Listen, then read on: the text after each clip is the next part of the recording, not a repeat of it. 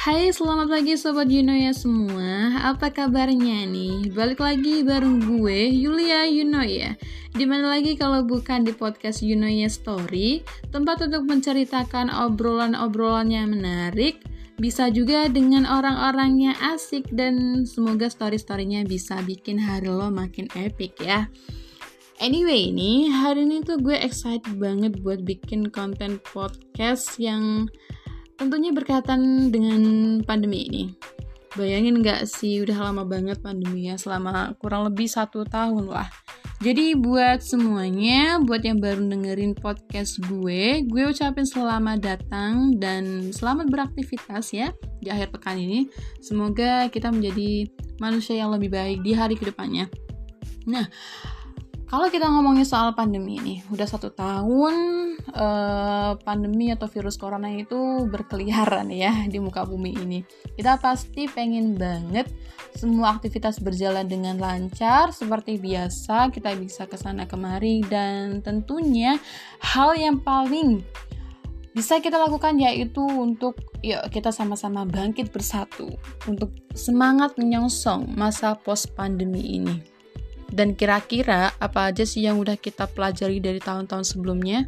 Kalau misalkan kita itu masih belum belajar atau belum bisa memetik uh, hasil di masa sekarang, mungkin di masa yang akan datang dengan planning yang kita buat di tahun ini bisa kita jalankan dan bisa untuk meraih apa yang sudah kita rencanakan dan mungkin kita akan menjadi uh, manusia yang kurang beruntung ya kalau misalkan kita itu tidak bisa berani untuk bisa belajar dari pandemi atau dari masa yang sebelumnya. Dan anyway uh, apa aja sih hal-hal yang perlu kita pelajari? Sadar atau tidak manusia itu dalam masa-masa sekarang ya karena kita dituntut untuk selalu menjaga kebersihan ya kita akan menjadi orang yang lebih sehat untuk lingkungan kita tentunya. Jadi bukan semata-mata untuk orang lain tapi untuk diri kita sendiri. Karena apa? Karena salah satu menjaga kebersihan itu seperti uh, mencuci tangan atau mungkin uh, ya bisa menggunakan air ataupun hand sanitizer ketika kita itu di luar rumah. Sadar atau tidak, hal itu akan berdampak pada pola hidup kita untuk menjadi orang yang lebih sehat. Iya nggak? Pasti kalian setuju kan? Kalau misalkan kita itu uh, cuci tangan dari habis uh, selesainya aktivitas, nah kita menjadi orang yang lebih bersih tuh di situ dan kita bisa menjaga lingkungan kita untuk uh, tetap sehat.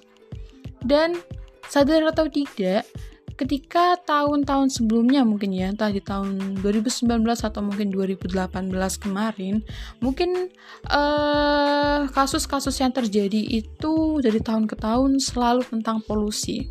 Nah dilansir dari detik.com nih terlebih khusus pada bulan November tahun 2020 lalu itu kondisi dari polusi udara itu menurun dengan drastis Berapa persen? Nah, itu kurang lebih ada 50 persen. Ini sangat signifikan ya, karena di satu sisi kita itu uh, karena tidak melakukan aktivitas banyak di luar rumah, harus tetap uh, stay at home, work from home juga. Jadi ya itu adalah salah satu benefit atau mungkin hal atau dampak baik yang bisa kita pelajari dari sana. Karena dengan adanya polusi itu sebenarnya di tahun-tahun sebelumnya banyak ya kasus yang marak terjadi yang berkaitan sama pernafasan walaupun mungkin sekarang orang yang uh, orang yang sesak nafas itu identik sama gejala-gejala virus corona ya. Nah, oleh karena itu kita harus tetap selalu jaga kesehatan. Dan tentunya kita itu kalau misalkan aktivitasnya di rumah atau mungkin ya nggak terlalu banyak di luar rumah sadar nggak sih kita itu bisa menjadi uh, one step closer ya dengan keluarga dengan mungkin kerabat-kerabat terdekat. Ya mungkin saat sebelum pandemi itu aktivitas aktivitas kita itu ada di luar rumah lebih banyak ketimbang di rumah dan kurang bisa berkomunikasi baik dengan keluarga ya enggak sih nah ini adalah salah satu momen di mana kita bisa menyediakan waktu kita um, me, apa ya melakukan aktivitas bersama keluarga jadi untuk bisa menjadi keluarga yang harmoni di sini itu sangat berpotensi besar ya. Dan mungkin ya untuk kayak kegiatan-kegiatan di luar rumah yang kita selalu nongkrong atau mungkin liburan jauh setiap uh, minggunya kayak gitu untuk hanya sekedar memuaskan diri. Nah, di sini kita bisa saving money nih. Kenapa kita bisa saving money? Karena gini logikanya. Kalau misalkan kita itu uh, bisa mengurangi pengeluaran-pengeluaran yang kita lakukan buat jalan-jalan atau mungkin buat jajan di luar, kan bisa tuh kita tabung. Dan bisa juga kita investasi. Karena gini, kalau gue tuh lihat channel-channel yang ada di YouTube ya, kayak channelnya Bang Raditya Dika, itu di situ dia juga menganalisa sih kayak uh, pengguna dari uh, investasi ya kayak aplikasi-aplikasi investasi yang sekarang ini udah mudah banget di download itu sangat meningkat drastis di mana semua itu jadi berawal dari eh, anak-anak uh, muda yang memang dia itu mungkin interest kali ya buat belajar investasi. Jadi banyak juga sih anak-anak yang usia 20 tahun 20 tahunan. Elah dah mulut gue. Belibet banget ya. Nah jadi gini jadi buat sobat Yuno ya nih um, yang mungkin pendengarnya itu kisaran 20 tahunan juga kayak gue. Ketika gue tuh belajar dari sosok si Raditya Dika ini dia tuh juga mulai berinvestasi di usia 20 tahunan loh dan dia tidak hanya fokus investasi saham saja tapi juga ada reksadana. Nah mungkin kalian bisa um, speak speak lah tentang reksadana itu apa saham itu apa. Jadi kita juga bisa teredukasi baik dari segi uh, sosial maupun ekonomi ya. Di sini kita bisa belajar ekonomi. Dan mungkin yang bingung untuk mendapatkan penghasilan dari mana karena kita nggak bisa dapat penghasilan ketika kita nggak bisa bekerja di luar rumah sebenarnya bisa banget karena uh, jiwa-jiwa muda kaum milenial itu dituntut untuk menjadi seorang yang kreativitas sekarang digitalisasi itu kita harus benar-benar main baik dari audio maupun visual. Contohnya nih, kayak bikin konten podcast kayak gini.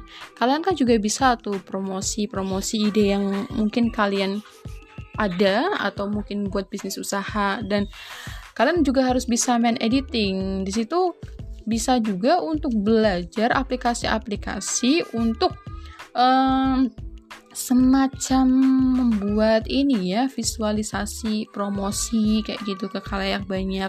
Atau mungkin kalian punya akun jualan. Nah bisa banget itu kalian gunain karena sekarang ini tuh zamannya zaman online. Semua bisnis bisa dilakukan dengan online. Investasi pun bisa dilakukan dengan online gitu. Nah itu adalah hal-hal yang berkaitan sama ekonomi. Terus kaitannya sama solidaritas ke spiritual dan sosial itu gimana? Kalau misalkan kita di masa-masa pandemi ini mungkin uh, kalau secara ini ya kita flashback lagi ke bulan-bulan kemarin atau mungkin bulan saat ini. Di tahun baru ini mungkin identik sama musim hujan. Jadi ya uh, pasti identik sama banjir. Karena tahu sendiri kan banjir itu mungkin bisa disebabkan karena drainase atau saluran air yang kurang bagus. Nah di situ kita balik lagi kan ke poin pertama tadi yang awal kita disuruh untuk menjaga lingkungan. Nggak boleh buang sampah sembarangan tentunya Banjir itu bisa disebabkan oleh pembuangan sampah yang mungkin sembarangan atau mungkin pembuangannya itu jadi atau diselokan-selokan kayak gitu ya. Jadi kurang baik banget. Dan ini adalah salah satu cara untuk kita mengurangi banjir. Dan kadang tuh di musim banjir juga identik sama longsor. Nah, kalau misalkan hal-hal tersebut terjadi kan otomatis ya kita harus menemukan rasa empati kita lah. Dan semoga hal-hal yang terjadi seperti itu tidak terjadi lagi di masa yang akan datang. Karena kita udah prevent nih. Jadi masa-masa yang saat ini kita persiapkan untuk masa yang akan datang supaya lingkungan kita menjadi bagus lebih uh, apa ya lebih enak dilihat lah. Dan juga untuk masalah finansial juga bisa lebih oke. okay. Nah kalau kita flashback lagi ke bulan Januari kemarin ya kalau nggak salah itu ada gempa juga sih yang terjadi di beberapa titik di daerah Kalimantan. Terus di daerah um, Kalimantan atau Sulawesi kemarin ya kalau nggak salah Kalimantan. Dan di daerah Jawa Barat juga. Jadi kita harus benar-benar waspada terhadap apa pun yang kita lakukan dan tetap kita juga harus berdoa ya banyak-banyak ibadah supaya kita selalu dilindungi oleh Tuhan dan semoga kita dihindarkan dari kejadian yang tidak kita inginkan lah tentunya. Nah, itulah beberapa hal yang mungkin bisa kita pelajari untuk bisa menjadi pribadi dan generasi yang lebih baik lagi nih Sobat Yuno ya. Semoga kita selalu dilindungi Tuhan dan kita tahu manusia itu bukanlah makhluk yang sempurna, karena kesempurnaan itu hanya pada Tuhan semata. Stay safe dan stay healthy ya buat semua pendengar You Know Ya Story yang ada di rumah. Walaupun kadang masih dilakukan pemberlakuan work from home atau WFH, tapi kita juga harus selalu juga jaga kebersihan dan kesehatan. So guys, buat yang mau request konten atau mau collab bareng gue, DM aja akun Instagram gue ya, sekalian promosi. Di @anti a n t i e underscore yulianti s. Gue sangat welcome dan appreciate banget buat semua kerja keras pemuda yang sudah dilakukan sejauh ini. Walaupun masih masa pandemi ya. Dan gue tuh mau berterima kasih banget tentunya buat yang udah nge-support dan mau ngedengerin podcast gue hari ini dari awal sampai akhir. Semoga bermanfaat dan sekali lagi dari gue, manusia itu hanya bisa berencana tapi Tuhan yang menentukan segalanya kalau kita tetap mau berusaha dan berdoa. So, gue Yulia Yunoya pamit undur diri dulu. Semoga masih ada kesempatan buat siaran lagi dan sampai jumpa buat podcast selanjutnya. Bye.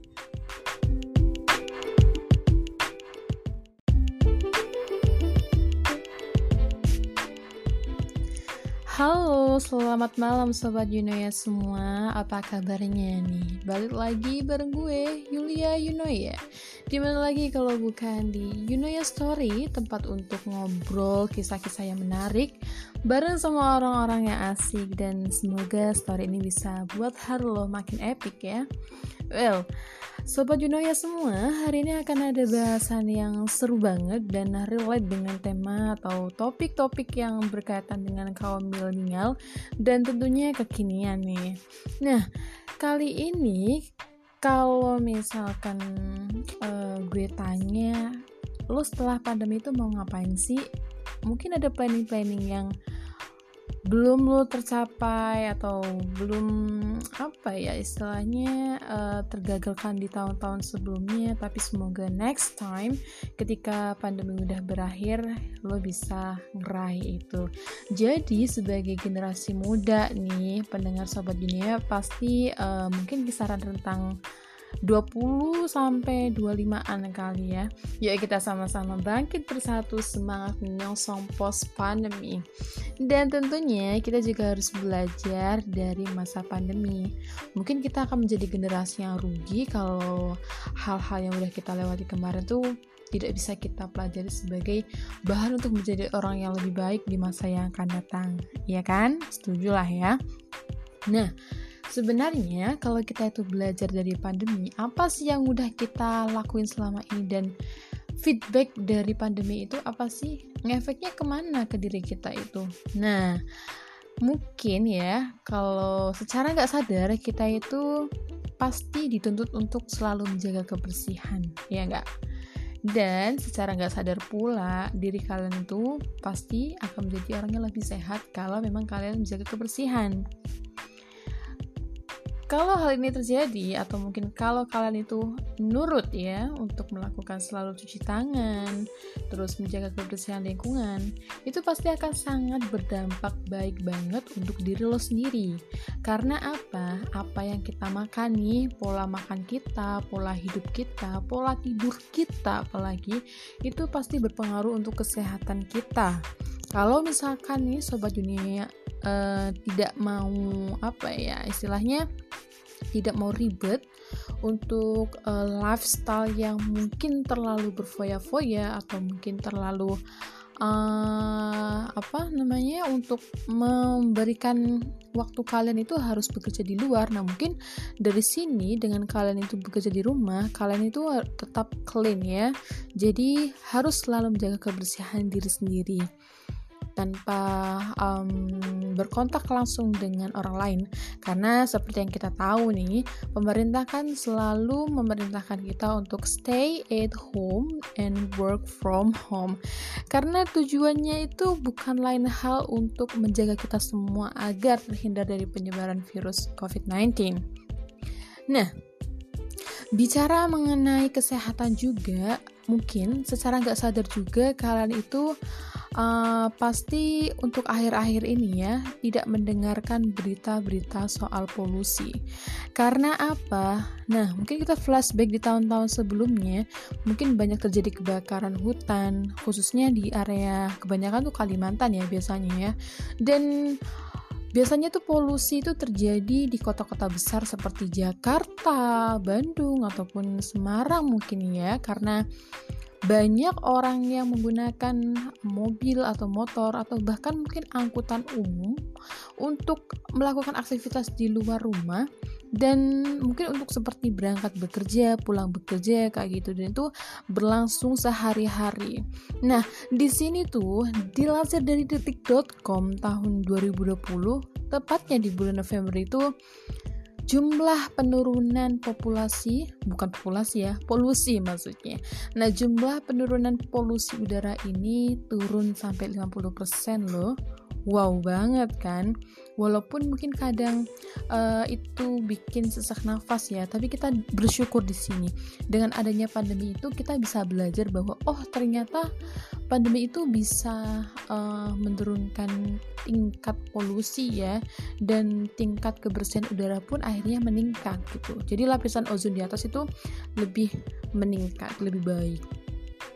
Nah, kalau misalkan kita itu um, mungkin zaman sekarang kalau misalkan or orang orang kalau misalkan sesak nafas dilarikan ke rumah sakit mungkin disebut uh, apa terpapar virus COVID-19 ya. Tapi semoga sobat Yuno ya semua bisa terhindar dari itu dan selalu dilindungi Tuhan ya. Amin.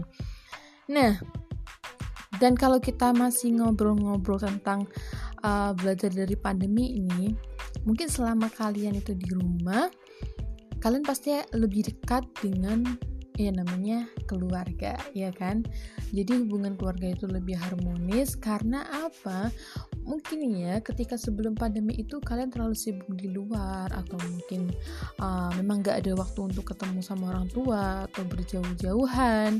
Nah untuk sekarang dengan work from home udah gak ada alasan lagi tuh buat kalian gak saling sapa satu sama lain.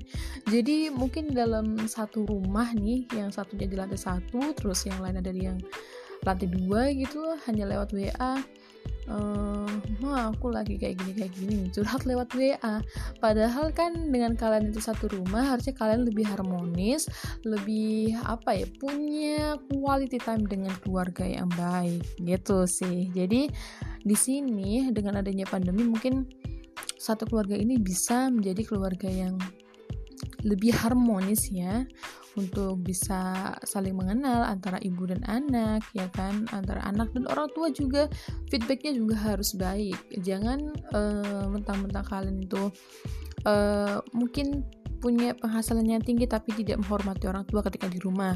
Nah, untuk saat ini ini uh, karena balik lagi pendidikan itu juga uh, dibiayai sama orang tua awalnya ya. Jadi kalian juga harus punya hormat yang baik. Rasa hormat itu penting kita tanamkan sedari kecil ya. Nah, tadi kita udah ngomongin tentang work from home. Nah, kalau misalkan Sobat Juno ya semua suka dengan jalan-jalan, mungkin ini adalah salah satu pembelajaran di masa pandemi di mana kita tuh bisa saving money. Nah, mungkin ada pertanyaannya, loh kalaupun misal aku work from home kan malah ada yang dipecat atau mungkin nggak bisa bekerja. Kok bisa saving money? Nah sekarang kita balik lagi ke pertanyaan sebelumnya. Mungkin ada kegiatan-kegiatan yang dari sobat Yunoya punya planning setiap minggunya pengen ke sana kemari nongkrong di kafe ngobrol sama teman-teman menghabis, menghabiskan waktu untuk uh, hanya sekedar bersenang-senang di luar rumah. Ini adalah salah satu alternatif kalian untuk saving money. Jadi uang yang tadinya untuk jalan-jalan buat nge-mall buat uh, beli baju keluar ini kalian bisa tabung tuh. Jadi bisa banget juga uang itu dialokasikan untuk dana yang lain misalkan contohnya buat investasi. Nah semenjak pandemi ini sebenarnya ya kalau gue tuh sering dengerin podcastnya Raditya Dika uh, siapa sih orang yang nggak tahu dia? Seorang aktor seorang penulis juga. Disebutkan di siarannya itu biasanya uh, investor sekarang itu banyak dari kalangan investor muda sebenarnya. Karena mungkin semenjak pandemi ini karena uh, orang yang mungkin masih kuliah ya masih kayak gue nih masih kuliah karena masih work from home atau mungkin harus mengerjakan tugas di rumah jadi kan kegiatan tidak terlalu banyak. Jadi mungkin mereka menyisihkan uang sakunya yang tadinya buat ngekos dipindah atau dialokasikan buat uh, investasi ini gitu. Jadi banyak banget bermunculan investor muda yang mungkin terinspirasi dari sosok si Raditya Dika ini. Mungkin salah satunya gue kali ya. Gimana di ceritanya dia tuh dia berinvestasi di usia 20 tahunan loh. Nah, kebetulan kan pendengar Sobat Dunia uh, mungkin pendengarnya rentang uto uh, rentang ya usia-usia 20 tahunan kali ya masih muda lah ya kayak gue jadi buat sobat Yuno ya semua nih uh, semoga juga bisa terinspirasi dari dia dan sebenarnya investasi itu bisa kita lakukan untuk beli uh, tidak hanya properti ya, tidak hanya properti saja, bisa juga kalian tuh beli saham ataupun reksadana. Nah, untuk detail dari saham itu apa, reksadana itu apa, kalian bisa search sendiri deh. Sekarang aplikasi itu banyak dan kalian bisa tanya apa pun itu di Google mungkin kalian juga bisa belajar dari uh, podcastnya Raditya Dika atau mungkin di YouTube-nya gitu. Nah, gue terinspirasi banget sih dari sosoknya dia itu. Jadi, kenapa gue bahas dia di sini? Karena penting untuk kita ketahui dan kita pelajari bersama bahwa yang namanya belajar itu never ending ya. Dan kita harus selalu tetap untuk uh, berproduksi. Nah, produksi. Kayak berasa buat apa ya? Produktif istilahnya lebih produktif di masa pandemi gitu. Dan mungkin uh, tadi gue kan sempat bilang nih pendapatan mungkin bisa dari mana sih? Mungkin banyak yang bingung tentang penghasilan itu bisa kita dapat dari mana? Sebenarnya kalaupun misalkan kita berpikir dengan cerdas ya, berpikir dengan baik, kita bisa buka bisnis online loh. Zaman sekarang nih sobat milenial pasti punya HP, pasti punya kepikiran untuk membuka bisnis online nih. Tapi kira-kira apa barangnya? Nah, di situ kalian kan bisa tuh cari market yang bagus di mana atau mungkin kalian bisa search barang barang-barang yang digemari oleh anak muda sekarang ini tuh apa sih? Yang lagi happening itu apa sih? Nah, kalian bisa market tuh di sana. Jadi bisa juga join kayak uh, online shop, entah di uh, gue sebut aja nggak apa-apa kali ya. Kabaran kali mungkin nanti gue di endorse. kayak semacam Shopee, Lazada ataupun yang lain-lainnya itu bisa banget buat kalian itu uh, kayak semacam cari tahu oh ini yang lagi laris itu apa sih? gitu yang di pasaran sekarang ini sedang digandrungi oleh anak muda. Jadi sasaran kalian itu juga harus tepat. Mau anak muda kah? Mau mungkin ibu-ibu rumah tangga? Atau mungkin eh, orang-orang yang bekerja kantoran? Kayak gitu kan juga harus bisa menganalisa market dengan baik supaya produk yang kalian pasarkan itu ya laku di pasaran kayak gitu. Dan satu hal lagi nih uh, belajar dari pandemi ya hal yang perlu kita rasakan atau mungkin hal yang terpenting dari uh, adanya pandemi itu adalah bisa menumbuhkan jiwa solidaritas baik dalam spiritual maupun sosial. Kenapa gue bilang uh, kayak gini?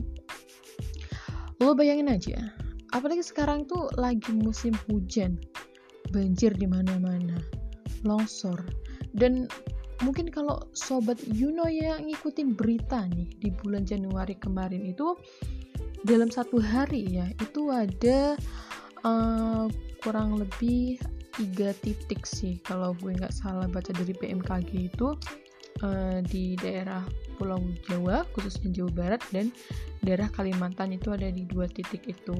Tapi untungnya sih ya alhamdulillah banget itu tidak menimbulkan dampak tsunami gitu. Jadi ya kita sama-sama berdoa semoga sobat Yuno ya di mana pun berada itu selalu dilindungi Tuhan dan selalu dalam keadaan baik selalu dalam kondisi yang sehat ya kita bisa belajar dari hal-hal tersebut nah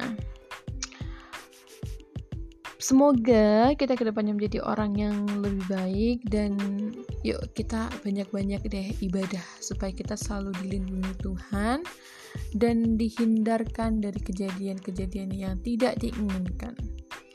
Nah, itulah beberapa hal yang mungkin bisa kita pelajari untuk bisa menjadi seseorang atau pribadi dan generasi yang lebih baik lagi di masa mendatang. Kita tahu, manusia itu bukanlah makhluk yang sempurna karena kesempurnaan bukan lain hal itu hanyalah milik Tuhan semata. Stay safe, stay health, dan buat semua pendengar sobat Yunoya Story ini yang ada di rumah khususnya, walaupun kadang masih dilakukan pemberlakuan work from home atau WFH, tapi kita juga harus selalu jaga kebersihan dan jaga kesehatan. Buat yang mau request konten atau mau collab bareng gue juga bisa banget. DM aja ke akun Instagram gue di @anti a underscore yulianti.s dan gue tuh sangat welcome juga appreciate banget buat semua kerja keras pemuda yang sudah dilakukan sejauh ini buat yang sudah di uh, garda depan gugus covid juga. Mari kita sama-sama dukung dan sama-sama untuk mematuhi protokol kesehatan. Walaupun sekarang itu masih masa-masa pandemi ya dan gue juga masih uh, menghimbau untuk semuanya untuk selalu cuci tangan di luar rumah dan gunakan masker tentunya gue mau berterima kasih banget tentunya buat semua yang udah nge-support gue dan mau mendengarkan podcast ini tentunya di Yunoya Story dari awal sampai akhir. Sekali lagi nih, dari gue, uh, manusia itu hanya bisa berencana tapi Tuhan yang menentukan segalanya. Kalau kita mau berusaha dan berdoa tentunya. So, gue Yulia. Yunoya pamit undur diri dulu. Semoga ah, masih ada kesempatan lah ya. Semoga masih ada kesempatan buat next podcast. Dan buat semuanya thank you banget. Sampai jumpa di podcast selanjutnya. Bye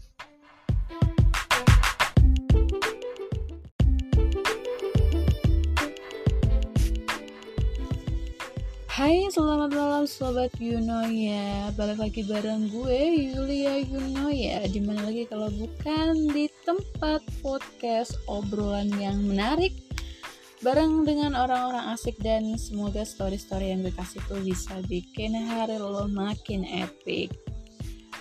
Anyway nih hari ini gue bakal monolog lagi karena ada satu dari temen gue yang request tentang tema ini dan sepertinya ketika gue itu ngajak buat collab awalnya dia itu memberanikan diri tapi dia itu takut kalau kalau um, temennya ini marah. Nah berkaitan sama temen ini um, kita hari ini akan bahas tentang 7 tipe toxic friendship. Nah mungkin ada sobat Yunoya yang punya toxic ah kok toxic sih? Toxic friendship itu mungkin bisa nanti eh, komen-komen di kolom komentar di uh, YouTube ya. Karena nanti gue akan publish podcast ini di YouTube juga.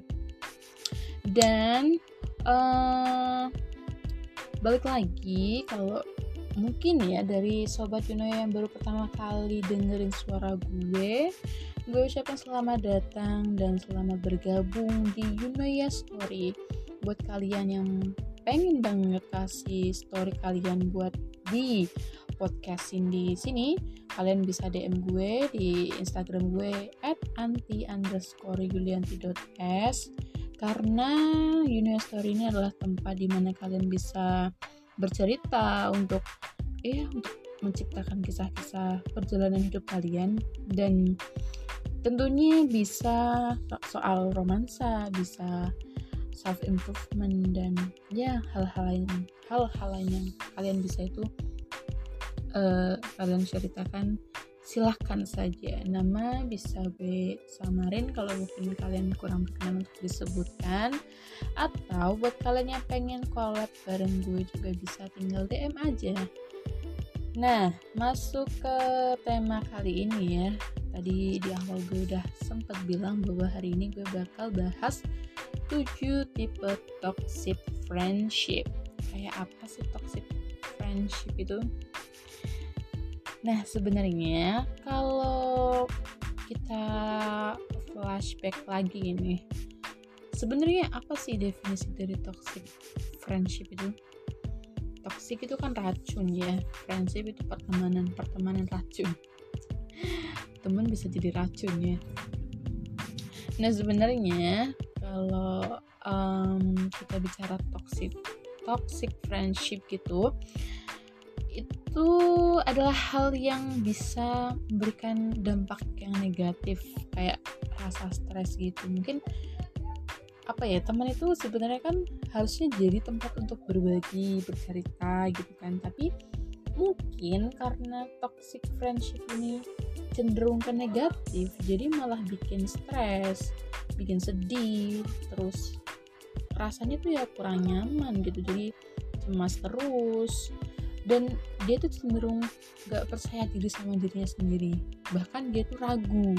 Kayak tadi yang temen gue itu tadinya mau collab itu dia ragu buat cerita atau buat ngomong. Padahal udah gue bilang nama lo gak usah disebutin nggak apa-apa nggak masalah kayak gitu kan. Atau mungkin dia kasih storynya aja nggak masalah sih. Tapi berhubung dia itu juga ragu sama dirinya sendiri kalau kalau mungkin temennya itu barangkali denger sama podcast ini nanti dia marah gitu.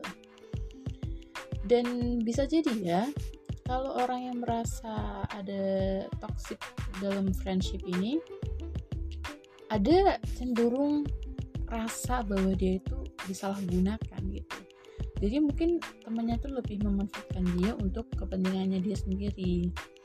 Karena dia dia rasanya nggak jadi diri sendiri. Dia masuk ke lingkungan itu berasa kayak jadi follower aja tapi dia tuh nggak ada uh, apa ya kayak semacam dalam dirinya I'm not at that gitu. I'm not there. Jadi gue di sini masuk ke dalam lingkungan mereka rasanya kayak ya udah kosong aja gitu. Udah deh hilang percaya dirinya. Dan biasanya kalau dalam toxic friendship itu bisa membuat uh, suatu individu itu bisa selalu merasa melakukan giving atau memberikan apa yang diminta gitu. Ya bayangin aja kalau misalkan temennya nggak uh, ngasih atau nggak dikasih dia bakal marah. Gitu. Nah tadi gue udah bilang nih ada tujuh tipe nih. Terus tipe yang pertama apa dong buat tipe yang pertama itu tipe the user. Kita katakan the user. Karena apa? The user ini adalah tipe yang uh, hanya akan ada apabila membutuhkan sesuatu aja. Jadi mungkin lo yang mungkin punya temen ya tapi dia itu cuma datang ketika dia tuh butuh ya inilah tipe dari the user itu. Jadi teman-teman lo itu cenderung manipulatif dan cuma datang karena ada perlunya doang. Ya udah kalau misalkan uh, kebutuhannya udah terpenuhi dia akan cabut gitu. Jadi ya mungkin ya kayak semacam temen lo yang mungkin pengen ngerjain tugasnya terus karena lo itu pinter terus dimanfaatin sama teman-teman lo yang lain kayak gitu. Atau mungkin nitip tugas kayak gitu. Nah sebenarnya antara willing sama dimanfaatin sih. Ya di satu sisi kita itu boleh membantu teman dalam hal kebaikan ya. Tapi kalau untuk secara terus menerus uh, lo itu merasa disalahgunakan atau lo dimanfaatin ya udah berarti ini udah toxic banget dan mendingan lo stop dan banyak teman-teman di sana yang mungkin care sama lo cari orang yang memang dia itu berteman bukan karena ada maunya bukan karena ada papanya tapi dia memang benar-benar pure uh, minta lo untuk menjadi uh, the truly of friends buat cerita buat bahas sesuatu lebih ke diskusi kayak gitu entah cewek atau cowok yang penting ya jangan sampai hal ini tuh terjadi. Jadi dia tuh cuman uh, berteman karena pengen apa ya sesuatu dari lo aja gitu.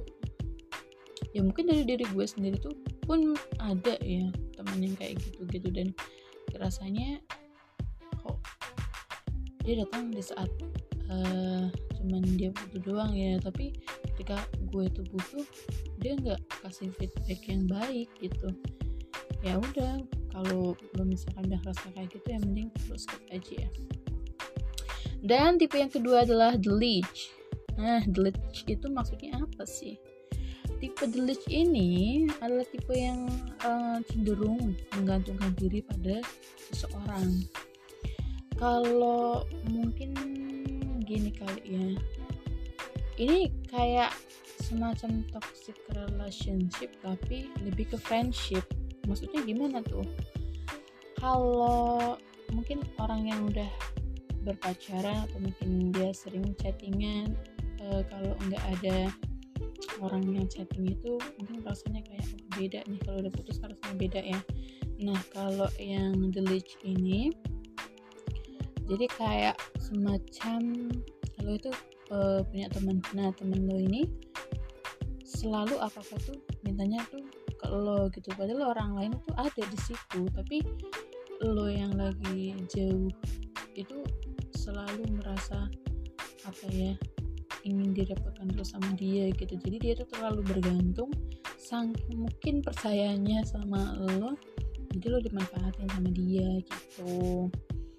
Kayak misalnya nih ya uh, mungkin apa ya? Ya mungkin kalian udah berteman dekat tapi kalau masalah kayak entah pinjem duit atau mungkin minta dianterin ke sana kemari nah dia tuh bergantung sama lo karena lo yang punya sesuatu itu gitu. Walaupun di satu sisi mungkin ada teman-temannya di sekitarnya dia tapi dia tuh mungkin karena dekatnya sama lo jadi ya udah dia tuh terlalu bergantung itu sama lo kayak gitu ya jadi hindari teman-teman seperti itu karena cuma ada maunya aja dan nggak nggak terlalu ngasih feedback yang baik lah. Ya intinya kalau misalkan kalian itu memang akrab dan solid kasihlah feedback yang baik untuk lo dan teman lo kayak gitu. Nah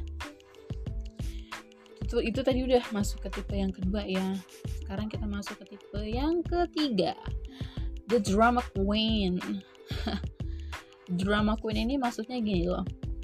Jadi uh, ada temen lo yang ngerasa bahwa hidupnya tuh penuh kekecewaan terus sedih terus gitu loh. Jadi selalu pengen dapet perhatian. Jadi or, ada mungkin orang yang tipe-tipe yang karakteristiknya dia tuh terlalu apa ya mendramatisir kehidupannya gitu. Apa apa yang mungkin diceritain tapi kalau lagi sedih ya sedih banget. Kalau lagi happy ya happynya overdosis gitu ya. Jadi terlalu yang kayak dibawa perasaan banget dan misal kalaupun dia tuh lagi sedih jadi dia tuh minta sama lo oh, buat minta pendapat tapi yang bikin lo tuh kayak uring-uringan terus gitu lo udah kasih udah udah kasih solusi tapi ketika solusi mungkin kurang ini ya kurang bisa diterima oleh dia udah dilakukan tapi ternyata solusinya itu belum nemu ya dia akan ngejar lo terus gitu. Karena mungkin lo sebagai temennya dan di sini temen lo itu dia menjadi orang yang uh, nganggap lo tuh sumber dari segala sumber solusi yang bikin dia jadi happy lagi kayak gitu. Sampai masalahnya itu kelar gitu. Jadi meng terlalu menggantungkan diri lo sebagai tempat di mana solusinya dia gitu. Tipe yang keempat itu ada negatif Nelly. Negatif Nelly ini maksudnya gini. Oh, temen lo ini ada orang yang selalu yang ngeluh gitu. Temen lo itu menjadi orang yang doanya tuh ngeluh dan selalu berpikiran negatif. Bahkan pada hal-hal yang positif sekalipun. Contohnya gini orang yang terlalu ubar banget ya kayak mikirin banget besok gue mau makan apa sih? Nggak ada duit mungkin uh, apa sih kayak pengen ini tapi tapi tapi tapi gitu. Pengen liburan tapi nggak ada duit pengen uh, balik tapi takut hujan pengen ini tapi itu. Jadi kan tapi tapi tapi terus gitu. Jadi terlalu temen itu orang yang uh, mungkin bukan orang yang diajak kayak semacam uh, ke sini yuk.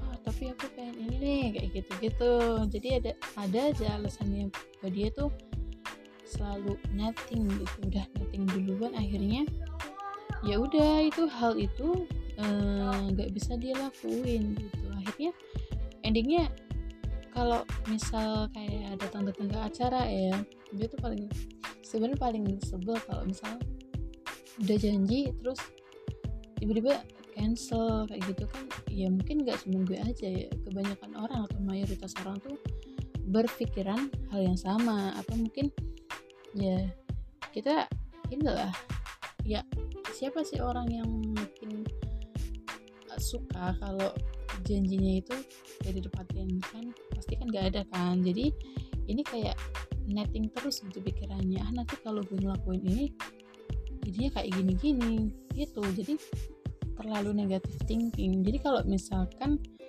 uh, apa ya lu udah planning ini ya udah lu lakuin hal yang sekarang lu udah rencanain ya udah lakuin aja kayak gitu. Masalah uh, hasilnya baik atau buruk kan itu bisa jadi suatu pembelajaran gitu diri lo sendiri. Tanpa harus mengecewakan orang lain dan ngebuat orang lain itu tidak jadi melakukan aktivitas yang dia pengen kayak gitu. Ya. Dan lanjut nih kita ke tipe yang kelima tipe yang kelima itu adalah teman yang critical catty maksudnya gimana tuh? Tipe ini tuh maksudnya dia senang kritik orang. Kritik orang bahkan cenderung menjatuhkan sih. Jadi bukannya kasih solusi tapi lebih ke marah-marahin atau ngasih kritikan tuh ya pedes gitu sampai bikin down. Kadang kan ada kan orang yang kayak gitu. Di mana pun kita berada atau dia teman ataupun sahabat ya mungkin walaupun udah dikatakan sahabat tapi mungkin orangnya terlalu mengkritik orang banget atau mungkin perfectionist banget walaupun dia itu sadar dirinya itu ya belum termasuk orang yang perfect. Tapi di satu sisi caranya dia itu uh, memberikan kritikan itu kurang bisa diterima oleh orang lain. Sehingga apa yang dia berikan itu bukan malah menjadi solusi tapi menjadi beban pikiran buat orang yang punya masalah ini. Nah ketika lo itu ada di posisi orang ini maksudnya orang yang dikritik ini ya mungkin lo harus tahan banting ya. Hatinya harus benar-benar tebel buat menerima segala kritikan dan mungkin lo bisa menakalnya kayak uh, memberikan pendapat pendapatan pendapat lo sendiri gitu. Jadi bisa beradu argumen atau mungkin uh, bisa untuk saling berdiskusi buat kasih uh, solusi terbaik. Gitu deh. Lanjut nih kita ke poin ke 6 atau tipe toxic friendship yang ke 6 itu ada the gossip hound maksudnya gimana tuh? Nah dari kata gosip sendiri ya. Jadi memang tipe-tipe orang ini tuh uh, teman lo ini suka menyebabkan gosip dan terkadang suka ngebocorin rahasia diri lo sendiri. Pernah nggak sih? Mungkin uh, banyak kali ya.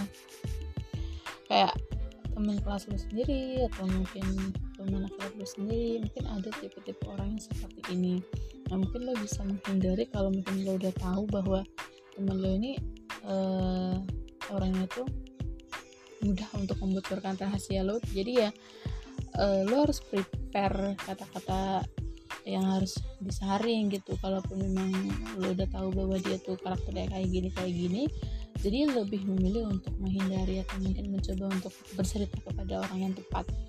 Jangan memberikan uh, apa ya kesempatan kepada orang lain atau temen lo yang memang dia tuh toxic buat lo dan rahasia-rahasia yang pengen lo uh, apa istilahnya kayak lo pendem dan nggak pengen semua orang tahu sebelum waktunya ya coba untuk pending dulu deh jangan cerita dulu ke temennya satu ini gitu. Jadi lo coba untuk memilih teman yang memang mudah dipercaya dan dia nggak uh, ngomong atau nggak nggosipin lo di belakang diri sendiri kayak gitu Nah, kita lanjut ke yang terakhir atau yang ketujuh. Tipe toxic friendship ini kita sebut the rebel. The rebel ini maksudnya adalah tipe yang suka ngajakin ke hal-hal yang buruk. Bisa jadi kayak lo minta solusi tapi dikasih solusi yang eh, apa ya bikin lo tuh lebih menjadi orang yang tidak lebih baik dari sebelumnya kayak gitu. Jadi lebih mengajak hal-hal yang negatif atau mungkin yang uh, malah beranjak pada uh, yang bikin diri lo itu menjadi lebih buruk dari sebelumnya kayak gitu. Dan misalkan lo lagi punya masalah nih dan lo butuh solusi tapi temen lo ini malah mengajak mungkin kayak uh, tempat-tempat clubbing atau mungkin apa kayak minum-minuman alkohol kayak gitu. Jadi lebih baik kita menghindari teman-teman yang seperti itu gitu. Mungkin itu bisa buat menghilangkan sesaat sesaat tapi for the next after that kalau kita itu menjadi orang yang dibawa pengaruh alkohol atau mungkin menjadi apa ya istilahnya kita konsumsi itu tidak baik untuk diri kita imbasnya kan nanti mungkin bukan sekarang tapi for the several years later. Jadi jangan jangan mudah untuk dipengaruhi orang lain. Dan buat kalian semua termasuk sobat Yunoya ya yang udah mau dengerin podcast ini. Uh, memilih teman itu perlu dan carilah teman terbaik versimu. Karena di mana pun kalian berada coba untuk menjadi orang yang humble untuk diri lo sendiri dan orang lain. Karena orang baik itu insya Allah akan dikelilingi dengan orang-orang yang baik juga so karena ini waktunya udah lumayan lama ya durasinya thank you banget yang udah mau dengerin podcast ini sampai selesai. Semoga kalian bisa mendapatkan materi yang baik ini atau mungkin bisa mendapatkan inspirasi-inspirasi buat kalian yang pengen collab gue uh, ucapin lagi biar bisa ke DM aku Instagram gue ke anti underscore s. Atau mungkin kalian kalian bisa DM dan kalian bisa kirim voice kalian. Atau kalian bisa kirim narasi atau mungkin buat kalian yang punya webpad yang bisa gue angkat storynya di sini. Silakan banget gue open. Dan thank you banget buat semuanya. So see you on my next podcast. Bye